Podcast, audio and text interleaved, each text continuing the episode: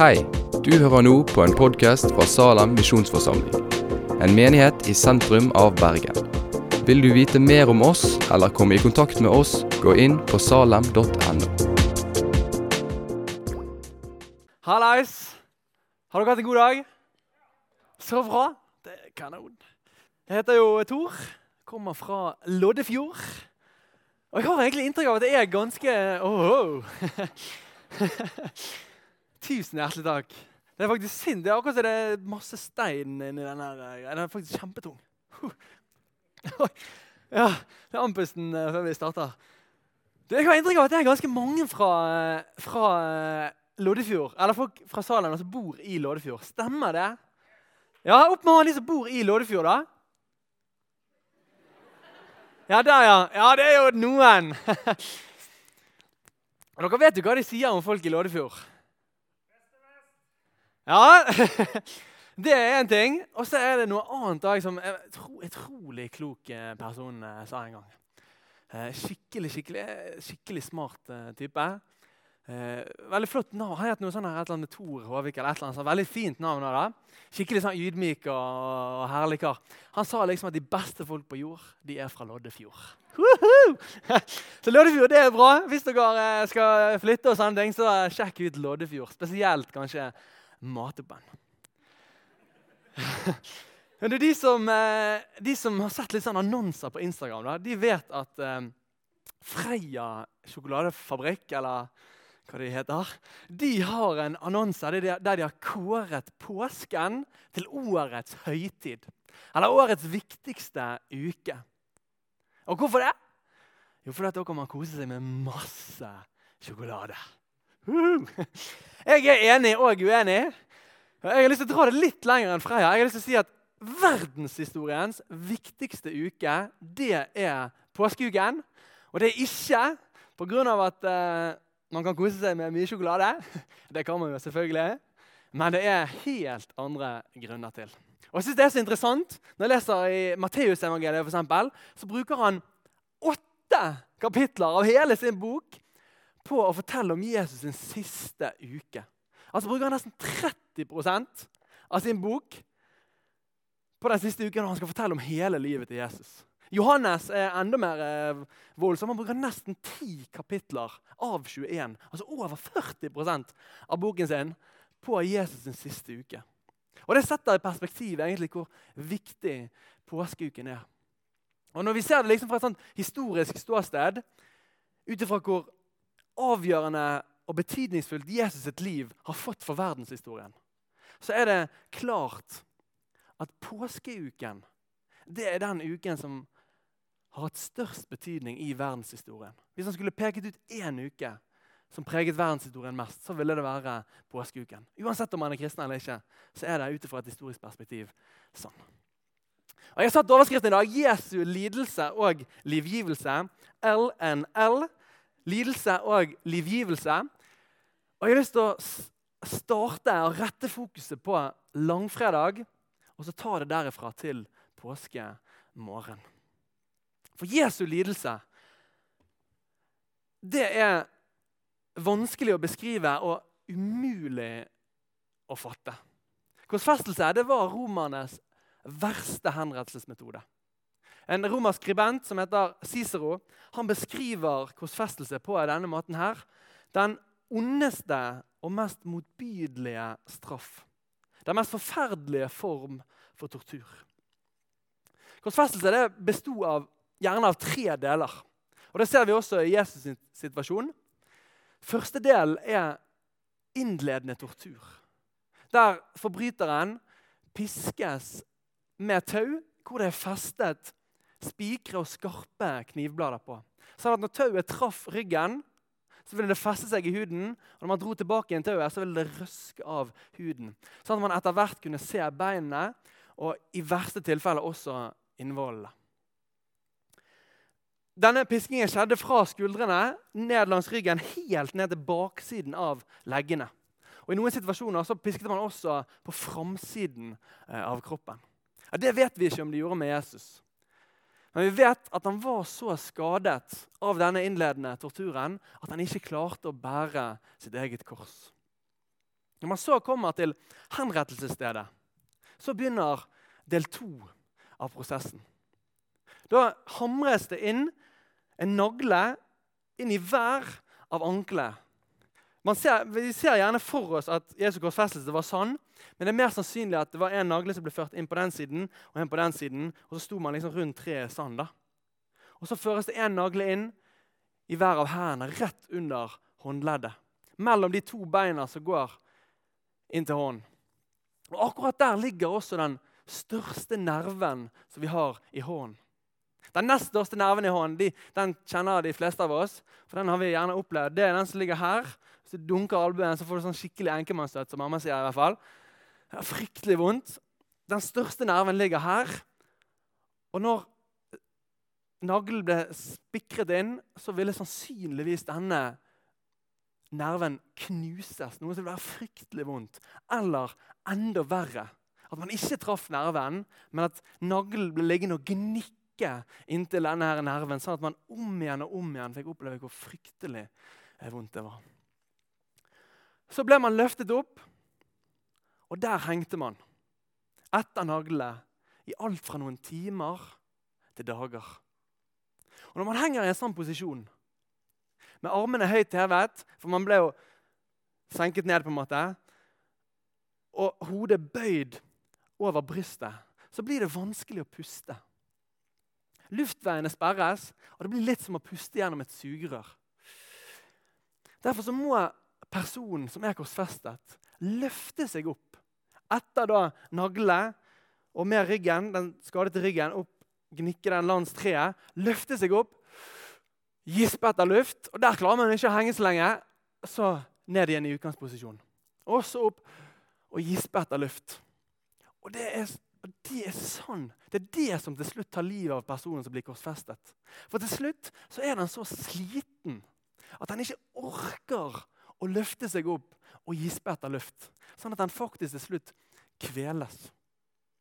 Og Det er den fysiske lidelsen som Jesus gikk gjennom på langfredag.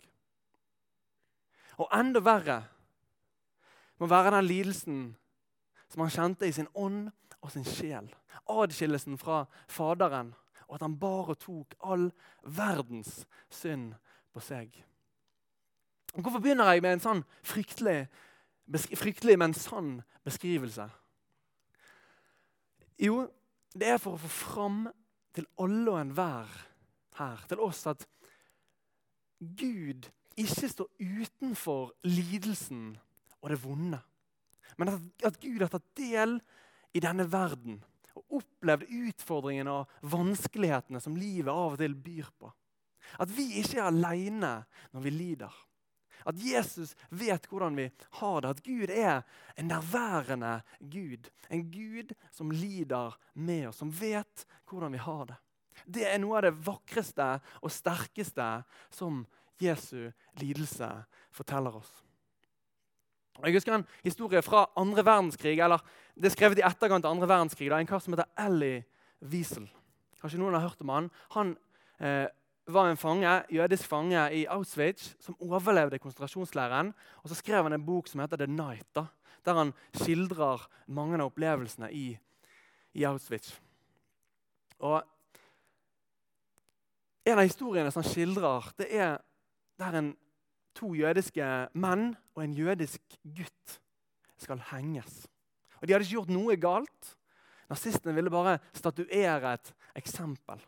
Og Så tvang de fangene til å se på. Og så hører da Wiesel noen hviske bak han. Hvor er Gud nå? Hvor er han henne? Og Så veltes krakkene, og så dør disse to mennene med en gang. Mens denne lille gutten han er så lett at han blir hengende der og dingle og kjempe etter å få puste. Og det tar mange minutter før han dør. Og Igjen så hører Wiesel noen bak han hviske 'Hvor er Gud nå?' Og så svarer han i sin indre stemme. 'Hvor er han nå?' Han henger i galgen med den gutten. Og når Wiesel sa det, så indikerte han døden over sin egen gudstro. Gud, for han døde med denne lille gutten. Men som kristne så kan vi ha en helt annen forståelse av han er her nå. Han henger med den gutten i galgen. Og det er at Gud virkelig lider med den som lider. Mest synlig ved Jesu korsfestelse for oss.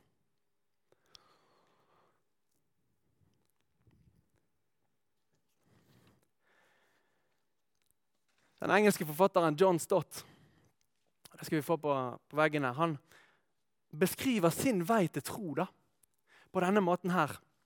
Jeg kunne sjøl aldri ha trodd på Gud om det ikke var for korset. Den ensomme, torturerte skikkelsen på korset. Han som har nagla gjennom hender og føtter, ryggen flettet opp, brukne bein, blødende panne og tørr munn. Han som er kastet ut i et gudsforlatt mørke. Det er den Gud jeg trenger. Han la til side sin immunitet mot smerte. Han kom inn i vår verden av kjøtt og blod, tårer og død. Han led for oss. Våre lidelser blir lettere å bære i lys av hans. Fortsatt er det et spørsmålstegn ved menneskelig lidelse. Men oppå det så setter vi frimodig et annet tegn korset som symboliserer guddommelig lidelse. Kristi kors er Guds eneste selvforsvar i en verden som vår. Det ondes problem det er vi ikke alene om.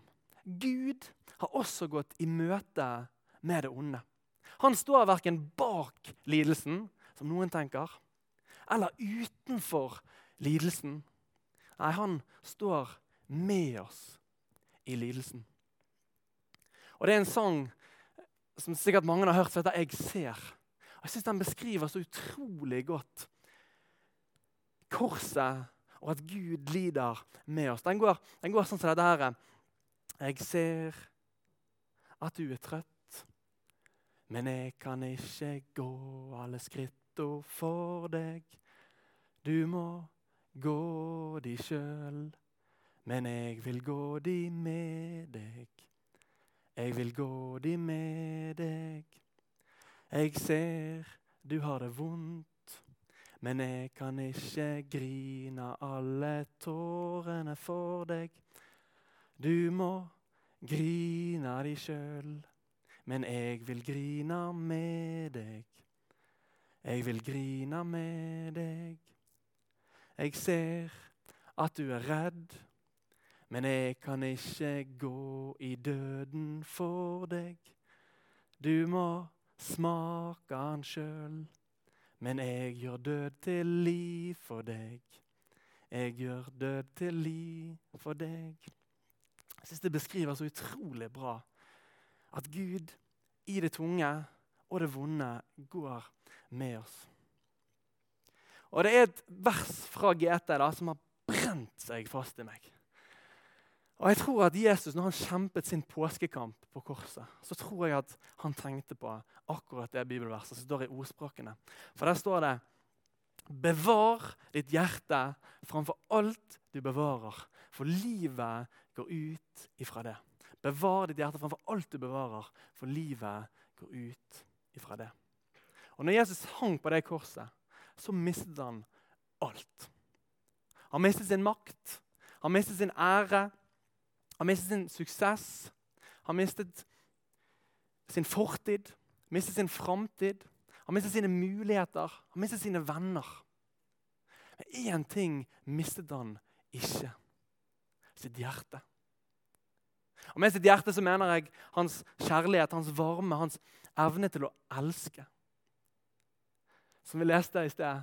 Far, tilgi dem, for de vet ikke hva de gjør.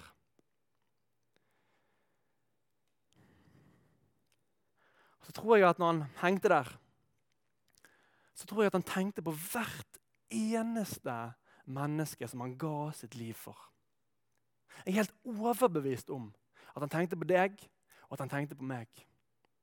At han så for seg hver eneste person som han ga sitt liv for.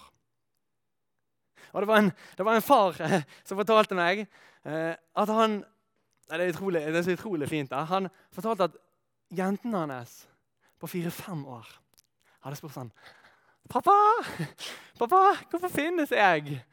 Og så hadde han svart så utrolig beundringsverdig. Og da er damer her inne, da kan dere si sånn Åh, det er utrolig fint. Han hadde svart Du finnes fordi at jeg ønsket deg. Jeg ville deg. Åh, utrolig fint. Og Hvis de spør Gud om det samme, om livet og mennesket det finnes fordi at jeg ønsket det. Du finnes fordi at jeg ønsket deg. Og det tenker jeg, det er kjernen i korset. Jesus, hvorfor led og døde du? Hvorfor tok du min synd og mine feilsteg på deg? Fordi at jeg elsker deg. For så høyt har Gud elsket verden, at han ga sin sønn, den enbårne, for at hver den som tror på han ikke skal gå fortapt, men ha evig liv. Solen gikk ned langfredag. Mørket omsluttet verden. Gud var død i menneskers sted. Menneskenes hat og vrede ble påført denne mannen. Djevelen trodde han hadde seiret. Disiplene fortvilte. Verden sto stille. De jødiske lederne feiret ironisk nok da, påskelammets blod som hadde berget deres liv ved utgangen av Egypt. Og Pilatus han tenkte nok ja, om en måneds tid så er han nok sannsynligvis glemt. Men, men, men, men, men. Sånn slutter ikke påskeuken. Påskeuken sluttes ikke med en solnedgang, men den slutter med en soloppgang. Og jeg synes Det er så utrolig kult. Og Nå driver, nå driver jeg på å studere eh, teologi. da. Jeg holder på å skrive masteroppgave om noe så fett eller kult som er det historisk troverdig at Jesus sto opp igjen fra de døde. Det er veldig gøy. Når man studerer teologi, så får man lov til å jobbe med sånne ting. da. Og Jeg studerer ikke sånn tullologi. Det, det var en syvåring som trodde at det var studiet for de som skulle bli klovn. Men det er jo ikke, det er ikke tullologi jeg studerer, det er teologi. da. Eh, og ja, skriver da om er det historisk troverdig at Jesus sto opp igjen fra de døde. Og det som er ganske stilig, det er at I etterkant av Jesu død så har man noen historiske fakta som det store flertallet av forskere og historikere er enige om. Bl.a.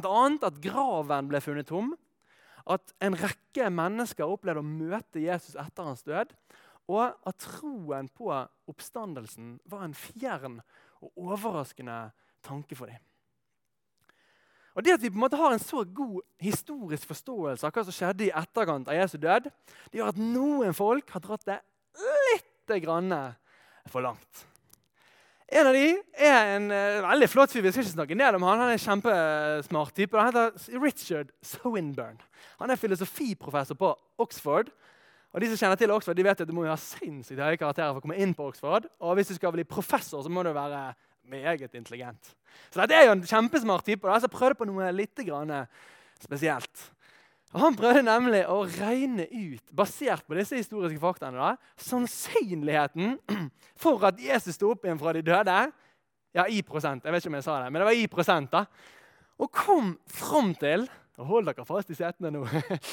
At det ikke Nei, det er ikke 96 sannsynlighet for at han sto opp igjen fra de døde. Nei, det er heller ikke 98 Det er 97 sannsynlighet for at Jesus sto opp igjen fra de døde.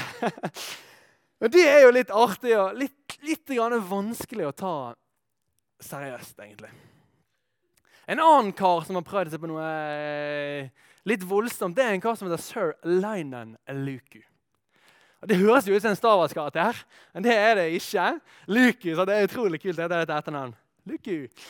Eh, han òg er en kjempesmart type. da. Han er faktisk i Guinness rekordbok. Der kan vi lese om han som verdenshistoriens mest suksessrike advokat. Han ble kristen da han var 64 år gammel. Og det er jo kjempekult. Og Så konkluderte han da, etter noen år med undersøkelser Nå må dere holde dere fast igjen. Så konkluderte han følgende. Bevisene om det kanskje kommer opp tavla, jo, bevisene for Jesu oppstandelse er så overveldende at det tvinger fram aksept og utelukker all tvil. Det òg er altfor voldsomt sagt. Sant? Vi kan ikke regne ut sannsynligheten for at Jesus opp igjen fra de døde i prosent, eller liksom bli så overbevist at det utelukker all tvil. Det går alltid an å tvile. Men da er det mye mer jordnært. Det er f.eks. Michael Icona, en verdensledende forsker på området, konkluderer med, Han er supernerd. Han har skrevet 700 sider bok om Jesu oppstandelse. Da. Han konkluderer da, På slutten av boken så konkluderer han på denne måten her. da. Vi kan betrakte Jesu oppstandelse som svært sikker. En bedømmelse som ligger høyere opp på skalaen for historisk viten enn jeg hadde forventet. Eller som svensken Stefan Gustavsson, den kanskje mest kjente forskeren på området i Skandinavia. Konklusjonen er at den som tror at Gud reiste Jesus opp igjen fra de døde, har de historiske argumentene på sin side. Dette var et lite sidespor, da. men tenker, det er utrolig kult. på en måte da. At vi har en sterk pekepinn på at den personen som har hatt størst betydning i verdenshistorien, at han faktisk sto opp igjen fra de døde. Det tenker det er en god bekreftelse for vår tro. Og påskemorgen, det er det store underets dag. Jesus oppstår. Og av alle hendelser noensinne så er det denne hendelsen som fortjener mest jubel, mest feiring, mest glede, mest rop av alle ting ever. Ja! Det er jo det! Jeg vet ikke hvordan man skal, hvordan, de feirer det egentlig, det er jo egentlig det vi feirer hver, hver eneste dag. så er egentlig Kristenlivet en feiring av Jesu oppstandelse. sant? Det er jo det. Og det er jo egentlig derfor vi feirer gudstjeneste, for Jesus oppsto. Så de kan jo på Ja! Woo! Yes! Dette har jeg alltid lyst til å ha gjort i salen. Feire fram på scenen. Oppstandelse! Woo! Det er virkelig av alle ting av Brannvann-serien i 2007 ingenting i forhold til Jesu oppstandelse. At, uh, har, uh, at, uh, at det fins mye sjokolade i påsken. ingenting i forhold til Jesu oppstandelse. Det er den tingen som vi kan feire over alle andre ting. At lyset og livet seiret over døden og mørket. Eller som Peter sa i Apostels gjerninger døden var ikke sterk nok til å holde han fast. Den rettferdige gjorde de urettferdige rettferdig. Den syndfrie gjorde synderen fri fra synd. Den perfekte helbredet den uperfekte. Eller som Martin ville sagt det. Martin Luther. Meg og Martin vi kjenner hverandre veldig godt. Vi har, vi har studert sammen i noen år. Eh, han, eh, han, sier det på denne måten. Det er så kult. Det er så gøy å sitere Martin Luther. Da. Det er selvfølgelig ikke like kjekt å sitere Jesus, men det er veldig kult å sitere Martin Luther. Han sier det sånn som det her. da. For, og vi får, tror vi får det på veien. For hans rettferdighet er all synd overlegen. Hans liv er mektigere enn all død, og hans frelse seirer over all helvetes makt, sier Martin Luther. Og det ser jeg at vi har sensurert her på veggen. Det er så stilig, det. Det er Martin. Det er Martin Luther. Vi tar det en gang til. For, hvis det er greit, da. For, for, for hans rettferdighet er all synd overlegen. Hans, frel, nei, hans liv er mektigere enn all død. Og hans frelse seirer over all helvetes makt, sier altså Martin Luther. Og Derfor så kan vi si vi kan være lettet, for Jesus synden slettet. Så Si det til naboen. Vi kan være lettet, for Jesus synden slettet. Vi kan være lettet, for Jesus synden slettet. Og så kan vi si Jesus døden bandt, så vi livet vant. Jesus døden bandt, så vi livet vant. Og så sist, men ikke minst La oss Jesus finne, så vi kan skinne og livet vinne. Ok? La, la oss Jesus finne, så vi kan skinne og livet vinne. Hm. Eh, Billy Graham han forteller en gang om eh, sitt møte med en kar som heter Konrad Adenauer. Han var borgermester i Köln under andre verdenskrig. Og så motarbeidet han naziregimet, så han ble puttet i fengsel. Ja, etter andre verdenskrig så ble han Vest-Tysklands høyt aktede kansler, altså president, i 14 år. Og Så møter han Billy Graham, den store evangelisten, og så spør han tror du virkelig at Jesus sto opp igjen fra de døde. Billy Graham selvfølgelig, han svarer jo selvfølgelig gjør jeg det.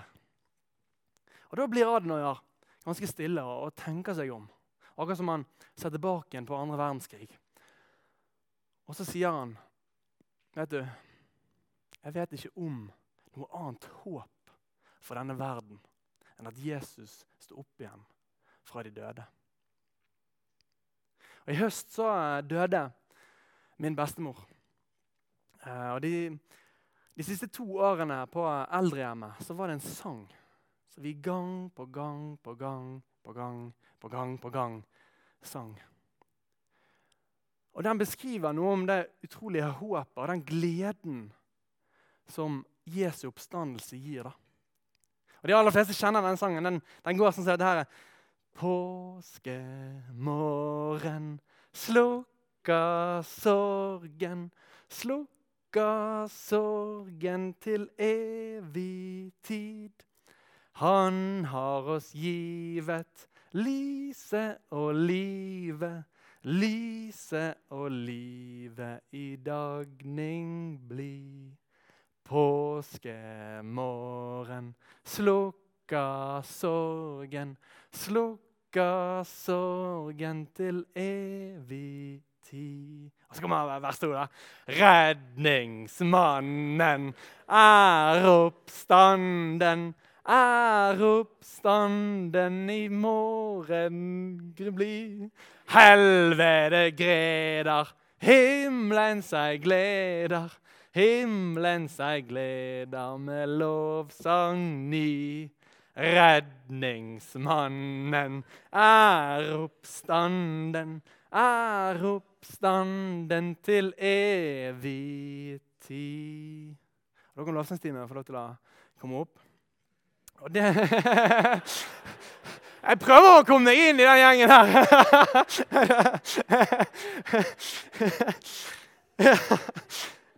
Ja, der er her Nei Vårt store håp, det er at lidelsen og det vonde at det ikke får det siste ordet. At mørket ikke vinner men at ved Jesu oppstandelse så seiret lyset og livet over døden og mørket. For at hver den som tror på han ikke skal gå fortapt, falle bort ifra Gud, men ha evig liv. Med Jesu død så tok Gud del i vår lidelse. Han vet hvordan vi har det, hva vi går igjennom. Det gode og det onde. Med Jesu oppstandelse så seiret lyset og livet over døden og mørket. Og om morgenen, de gangene det skjer her i Bergen, det er jo ikke så ofte, men om morgenen når solen står opp Og husk dette. La det minne deg på det. Neste gang du står opp og våkner, og du ser at solen står opp, så la det minne deg om at også Sønnen sto opp. At lyset og livet til syvende og sist har seiret over døden og mørket. Og La oss avslutningsvis lese fra Matteus 28, der det står i min bibel i hvert fall. Da sabbaten var over og det begynte å lysne og lysne, solen sto opp Den første dagen i uken så kom Maria Magdalena og den andre Maria for å se til graven. Med ett ble det et kraftig jordskjelv for en Herrens engel steg ned fra himmelen, gikk fram og rullet steinen til side og satte seg på den. Han var som et lyn å se til, og drakten var hvit som snø. Vaktene skalv av redsel da de så han. De ble liggende som døde. Men engelen tok til orde og sa til kvinnene, frykt ikke.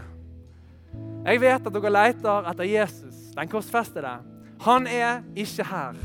Han er stått opp sånn som de sa. Kom og se stedet hvor han lå. Og Derfor, venner, Derfor er påskeuken verdenshistoriens viktigste uke.